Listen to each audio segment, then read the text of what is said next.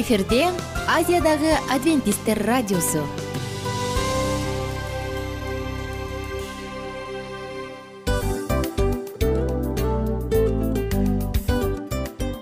Достор салют.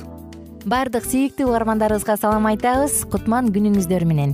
Ден соолук өмүрдүн булагы демекчи саламат саамы программасында баарыңыздарды көргөнүбүзгө абдан кубанычтабыз. Анда алгач амандашып өтөлү арбаңыздар деп. Ден соолугуңуздар кандай элибизде көбүнчө ден соолук кандай дегенде эле жакшы деп жооп беребиз э? ооруп турсак дагы жакшы дейбиз. Анан мен муну айтып ойлойт элем бул абдан сонун сөз депчи анткени бул жакшы деген үмүт да э ооба баары жакшы болот. Баары сонун. Деп үмүттөнүп атып эле өзүбүздү өзүбүз дарылап коебуз. Анысы кандай? Сиздин дагы ден соолугуңуз жакшы беш деген үмүттөбүз чындыгында ден соолук бул өмүрдүн булагы деп бекеринен айтылган эмес деп ойлойм. Кыргыз элинде анткени эгерде ден соолук жок болсо анда адамдын жашоосунда калган баардык керектүү маңыздуу нерселер өзүнүн баалуулугун жоготуп коет. Ошондуктан ден соолук бул эң керектүү нерсе. Ооба туура айтасың кесиптешим. Чынында ден соолугуң жок бир эки үч күн ооруп калсаң эле э кандай болуп калат? Жашоодо көз каранды болуп каласың көп нерсеге жетишпей каласың көп нерсени кыла албай каласың жада калса эшикке дүкөнгө да чыга албай каласың. Туптуура анан ден соолук болсо демек биз биздин бактыбыз тоодой деп койсок болот. Анда достор саламат саамы рубрикабызды баштайлы. Алдыда өзүңүзгө керектүү болгон сонун кеңештерди уга аласыздар. Мына ошондуктан биз менен бирге болуңуздар. Ал эми биз болсо милан жана айнура. Кеттик алга. Алга саламат саама ден соолуктун жарчысы. Саламат саама ден соолуктун ачкычы. Күн сайын сиз үчүн мыкты кеңештер сонун жаңылыктар кызыктуу фактылар. Биздин рубрикада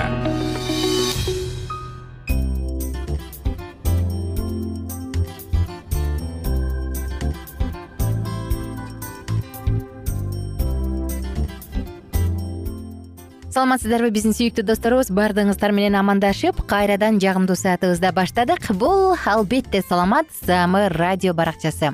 Адамдын жашоосундагы эң эле алгачкы жана биринчи байлыгы адамга эң керектүүсүн бере турган бул ден соолук. Эгерде бут кийимиң тар болсо ааламдын кенендигинден эмне пайда дегендей эгерде байлыгыңдын баары бар болсо бирок сенде ден соолук жок болсо анда мындай байлыктан эмне кереги бар?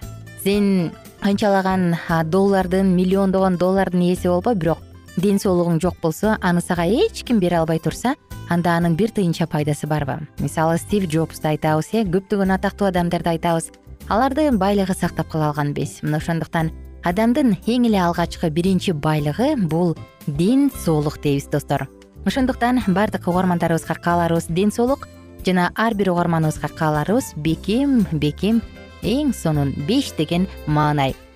Качан адам позитивдүү маанайда жүрүп алганда гана ал өзүнүн ден соолугунун жакшы абалын узарта алат. Эгер адамдын ден соолугу жакшы болуп бирок ал дайыма негативдүү болсо анда анда анын ден соолугу начарлайт. Айтып коюшат эмеспи э нервдүү нерви жука адамдардын ашказаны көбүрөөк ооруйт депчи албетте бул тарс эткен баары тамаша бирок чындыкка жараша анткени биз нервденген сайын ачууланган сайын ашказан кызарып өзүнүн кандайдыр бир функциясын буза баштайт экен.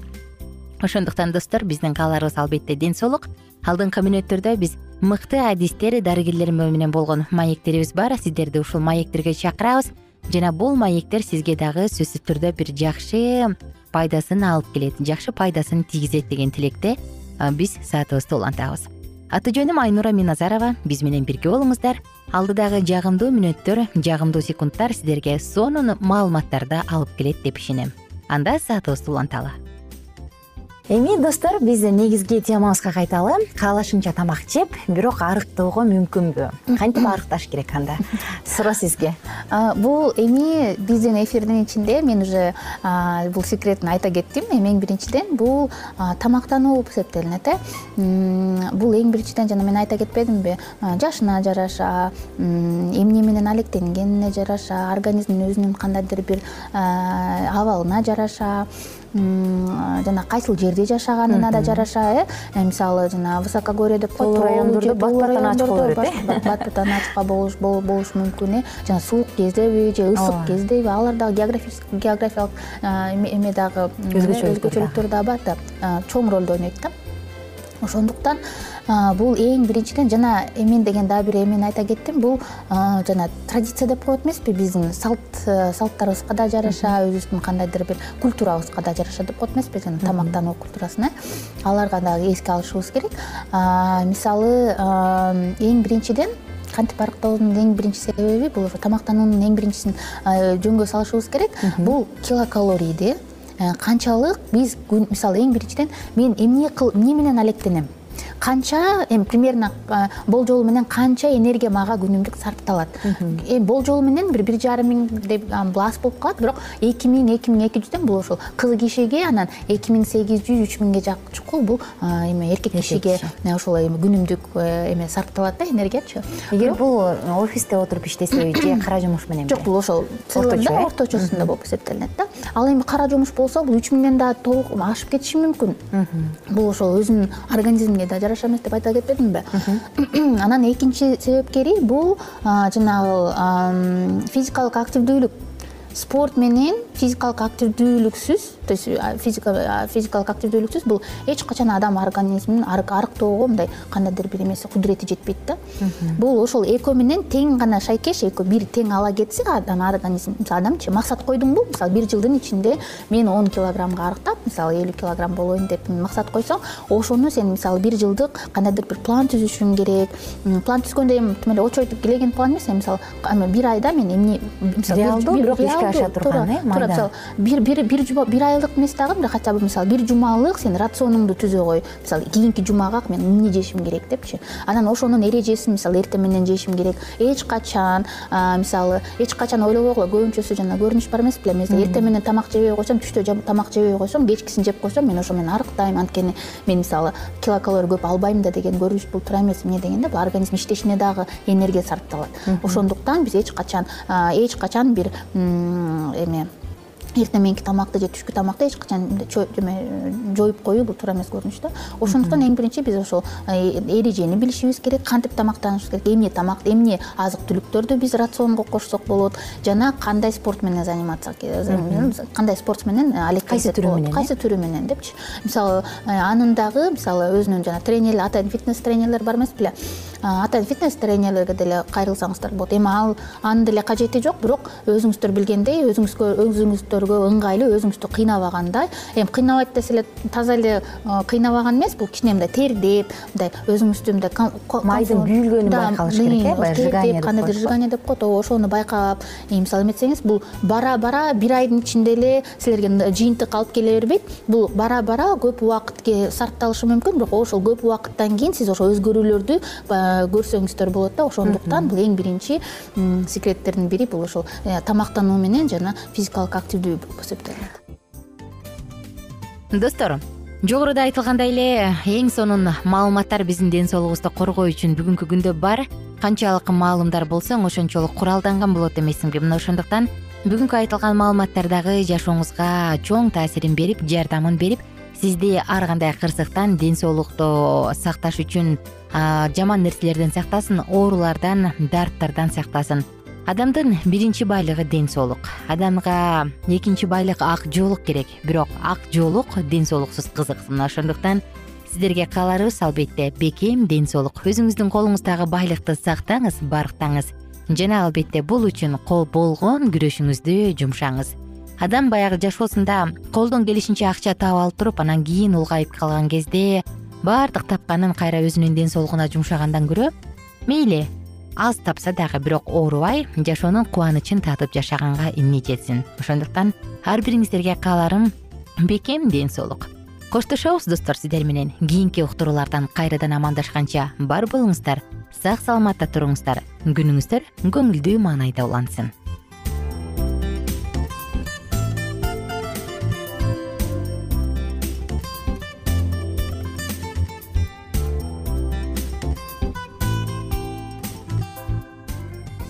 кененирээк маалыматтар үчүн үч w чекит саламат чекит клуб сайтына келип таанышыңыздар.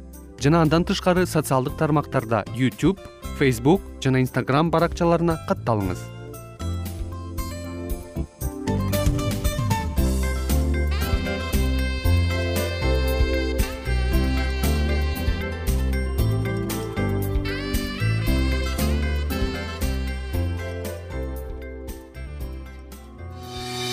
саламат саама ден соолуктун жарчысы. Саламат саама ден соолуктун ачкычы. Күн сайын сиз үчүн мыкты кеңештер сонун жаңылыктар кызыктуу фактылар биздин рубрикада.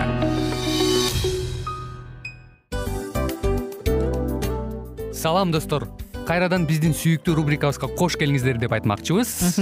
Баардык замандаштарыбызга арбаңыздар деп саламыбызды айтабыз. Улуу ушундай бир урматтаган учурашуу менен анан дил маек радио баракчабызга чакырабыз. Негизи дил маек биздин рубрикабызда эмне жөнүндө кеп кылабыз? Бул дил маектин мааниси эмнеде? Рубрикабыз менен кичине тааныштырып кетсеңиз. Сөзсүз түрдө тааныштыра кетейин кесиптешим суранычы боюнча бул учурда бул радио баракчада биз ар тарап кесип ээлеринен сонун кеңештерди алабыз сүйлөшөбүз сырдашабыз аталарыбыздын эжелерибиздин апаларыбыздын кеңештерин угабыз. Айтор жан дүйнөгө адамдын э, сапатына адамдын деги эле адам болуп жашашына керектүү баардык кеңештер алдыда. Негизи э, дил маек дегенде баягы эки адамдын ортосундагы сырдашуу кенен сүйлөшүү. Негизи эле биз адамдар бири бирибиз менен бир жерге жай жерге отуруп алып өзүнчө тынч э, жашоо жөнүндө өмүрүбүздө эмне болуп атканын бөлүшкөнү жакшы көрөбүз э адамдар. Ооба туура айтасың анан мындай учурга кээде убакыт да жетпей келет э? Же болбосо сырыңды кайгыңды муңуңду кубанычыңды айткың келет адамга ишенбешиң мүмкүн. Ооба. А бул радио баракча угармандарыбыздын чыныгы досу. Анткени бизден алган кеңеш сиздин жашооңузга чоң жардам берет. Ал эми сиздин бизге айта турган сөзүңүз ортодо гана сыр бойдон калат. Ошондуктан биздин дил маек рубрикабызга дагы бир жолу кош келиңиздер. Жана биз даярдаган маалыматтарга даяр болуңуздар. Айнура жана милан сиздер менен бирге алдыга кеттик ар түрдүү ардактуу кесип ээлеринен алтын сөздөр жүрөк ачышкан сыр чачышкан сонун маек дил маек рубрикасында.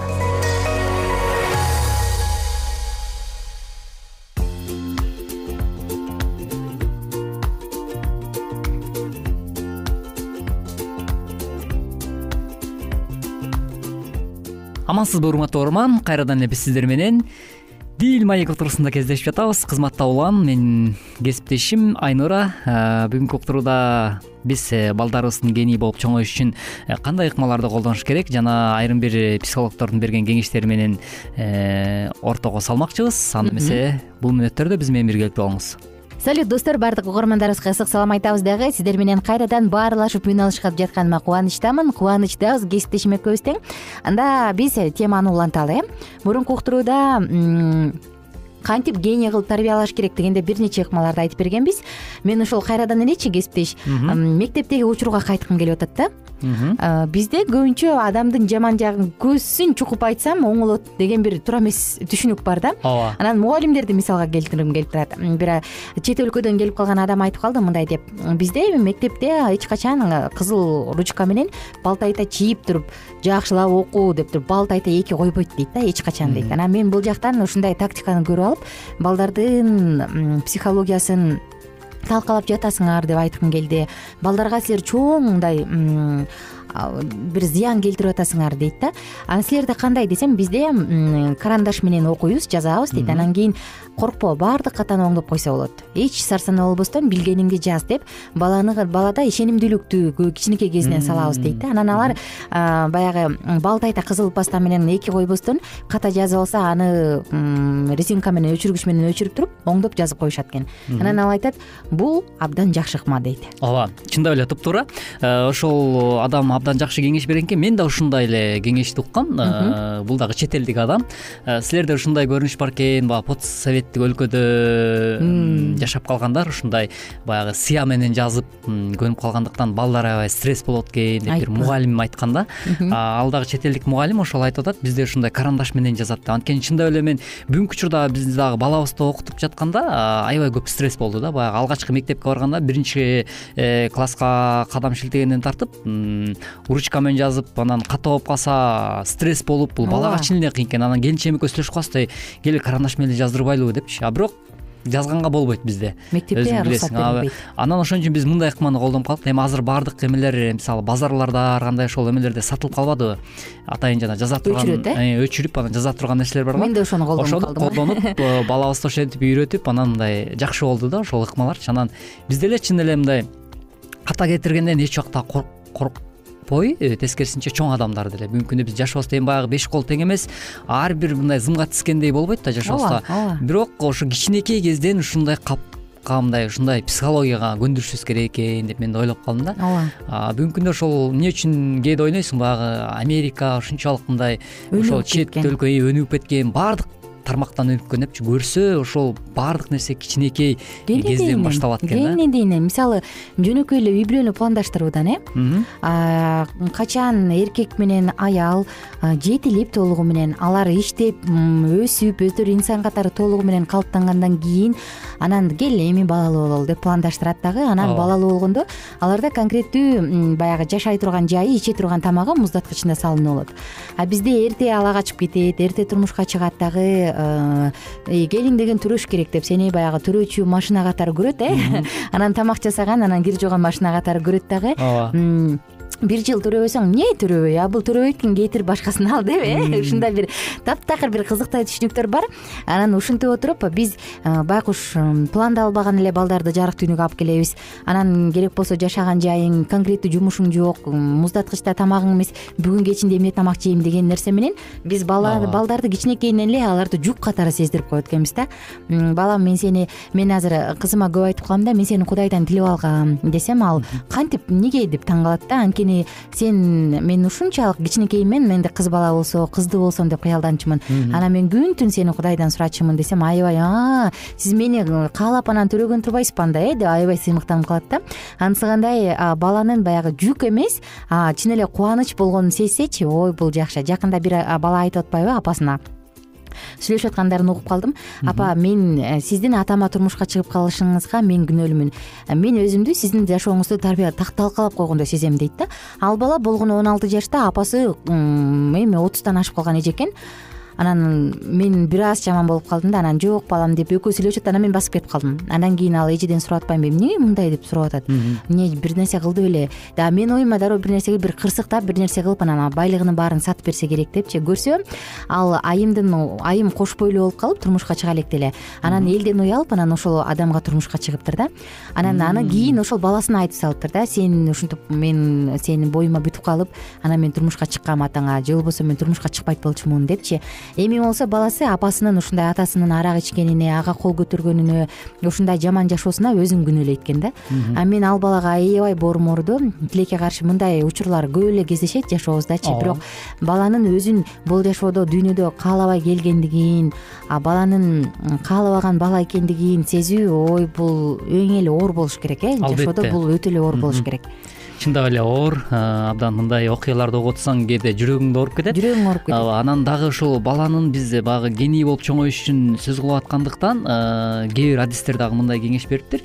Бирок сиз балаңыздын баягы ошол кайсыл нерсеге жөндөмдүү экендигин э, мисалы кантип билсеңиз болот дейт да. Э, мисалы ошол билүүдө мындай кеңештерди берген экен. Сөзсүз түрдө балаңыз менен мындай кызыктуу анын акыл ой мындай логикасы өнүгүү жаатындагы кандайдыр бир оюндарды кошуп ойноп көрүңүз дейт. Ошондо бала эмнеге жөндөмдүү экенин сиз аныктай аласыз деген э, кеңештерди берет экен да. Чындап эле мисалы э, бизде көптөгөн эле оюндар бар э мисалы үй бүлөлүк оюндар деп коебуз го. Илгери мисалы биздин кыргыз ата бабаларыбыз э, мисалы кыздар айрыкча топташ ойноп келген же болбосо мырзалар мырзалар тиги чүк ойноп келген деген сыяктуучу бирок логикалык жакта оюндар эми азыр бүгүнкү көп эле болуп калды да. Мисалы компьютер оюндарынан сырткары деле атайын үйдөн азыр сонун конструктор э, леголор бар э жакшы э, ошондой оюндар бар. Ошону чогуу ойноо аркылуу сиз балаңыздын эмнеге жөндөмдүү жана логикага өстүрө турган нерсеге мындай гений болушуна жардам бересиз деген ойду айткылары келет экен да? Абдан жакшы. Кесиптеш биздин карамагыбызда жети секунддук убакыт калды. Биз угармандарыбыз менен коштошобуз. Кийинки уктуруубузда теманы андан ары улантабыз. Саламатта болуңуздар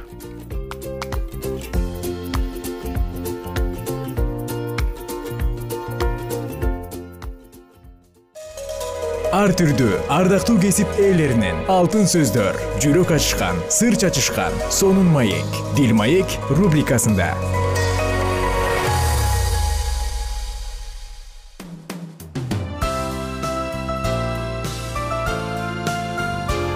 Эфирде азиядагы адвентисттер радиосу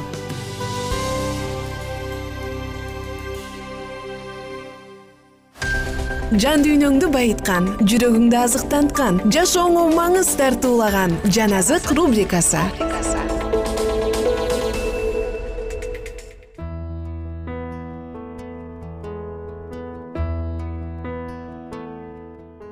Кадырлуу замандаштар сүйүктүү достор жалпы радио угармандарыбызга ысык салам айтып сиздер менен бирге кайрадан жан азык радио баракчасындабыз.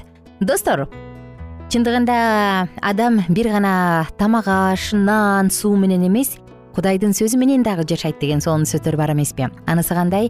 Бүгүн дагы сиздер менен кудайдын сөзүндө ыйык жазууда айтылган жазылган маалыматтардын негизинде болочокко сапар алып пайгамбарчылыктардын аткарылышына күбө болобуз.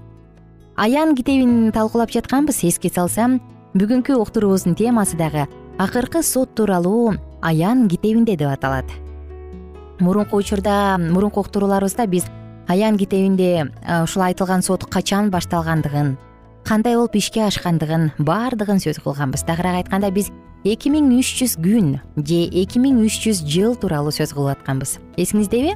Дал ушул убакыттарды бөлүп бөлүп эсептей келгенде ыйса машаяктын сууга чөмүлүү күнү дагы анын айкаш жыгачка кадалчу күнү дагы пайгамбарчылыкта алдын ала айтылганына күбө болгонбуз кызыкпы? Албетте кызык.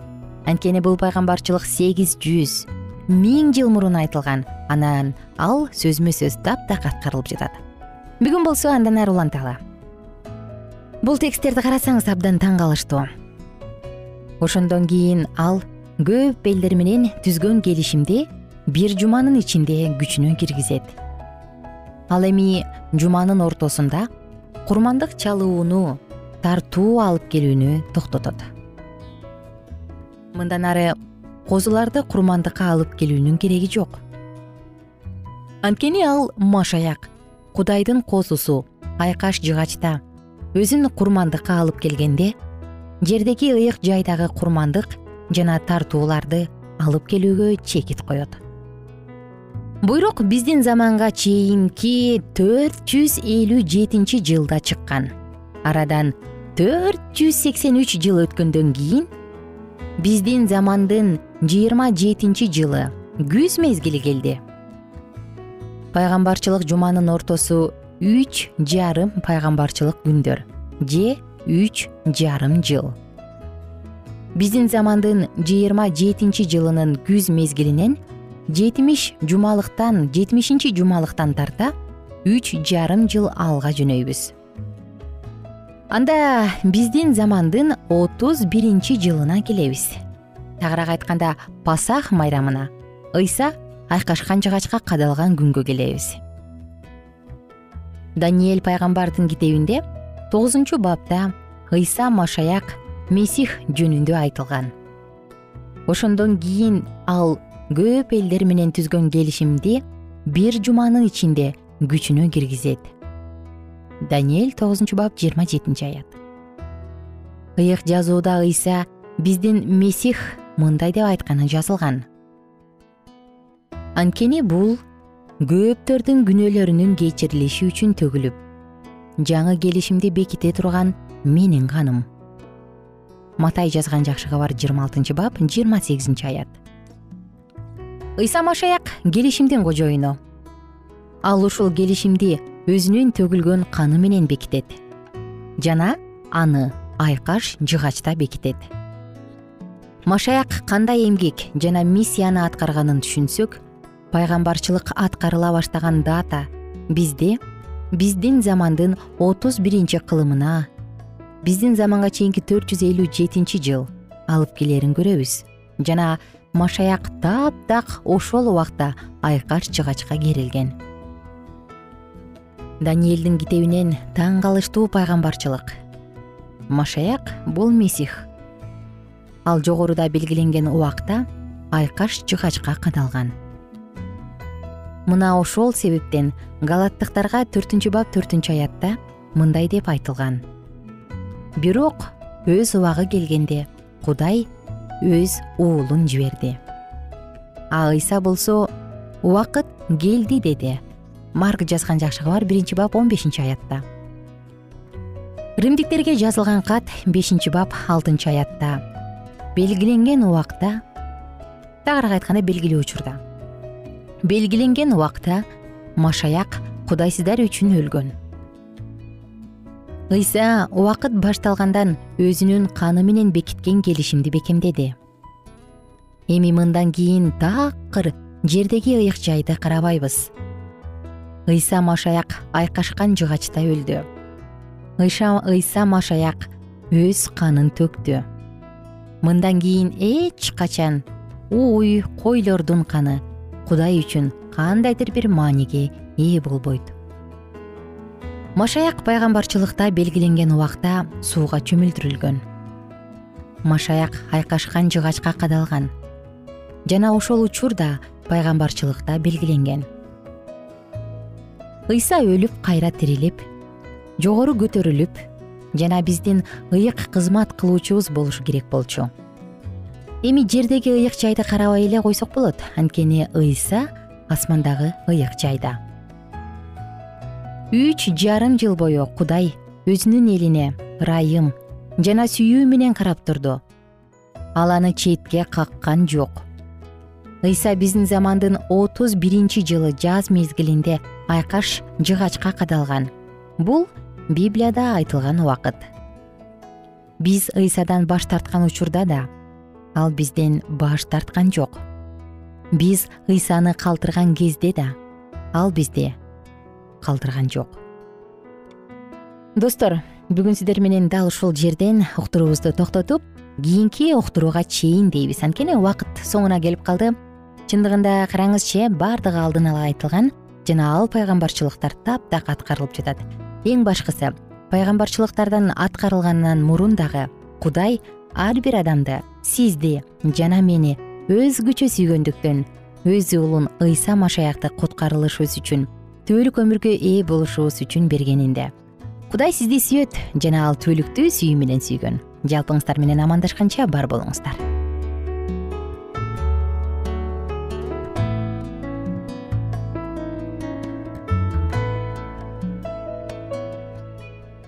эгер сиздерде суроолор болсо же көбүрөөк маалымат билем десеңиз анда биздин whatsapp номерибизге жазыңыз. Плюс бир үч жүз бир жети жүз алтымыш алтымыш жетимиш. Кайрадан плюс бир үч жүз бир жети жүз алтымыш алтымыш жетимиш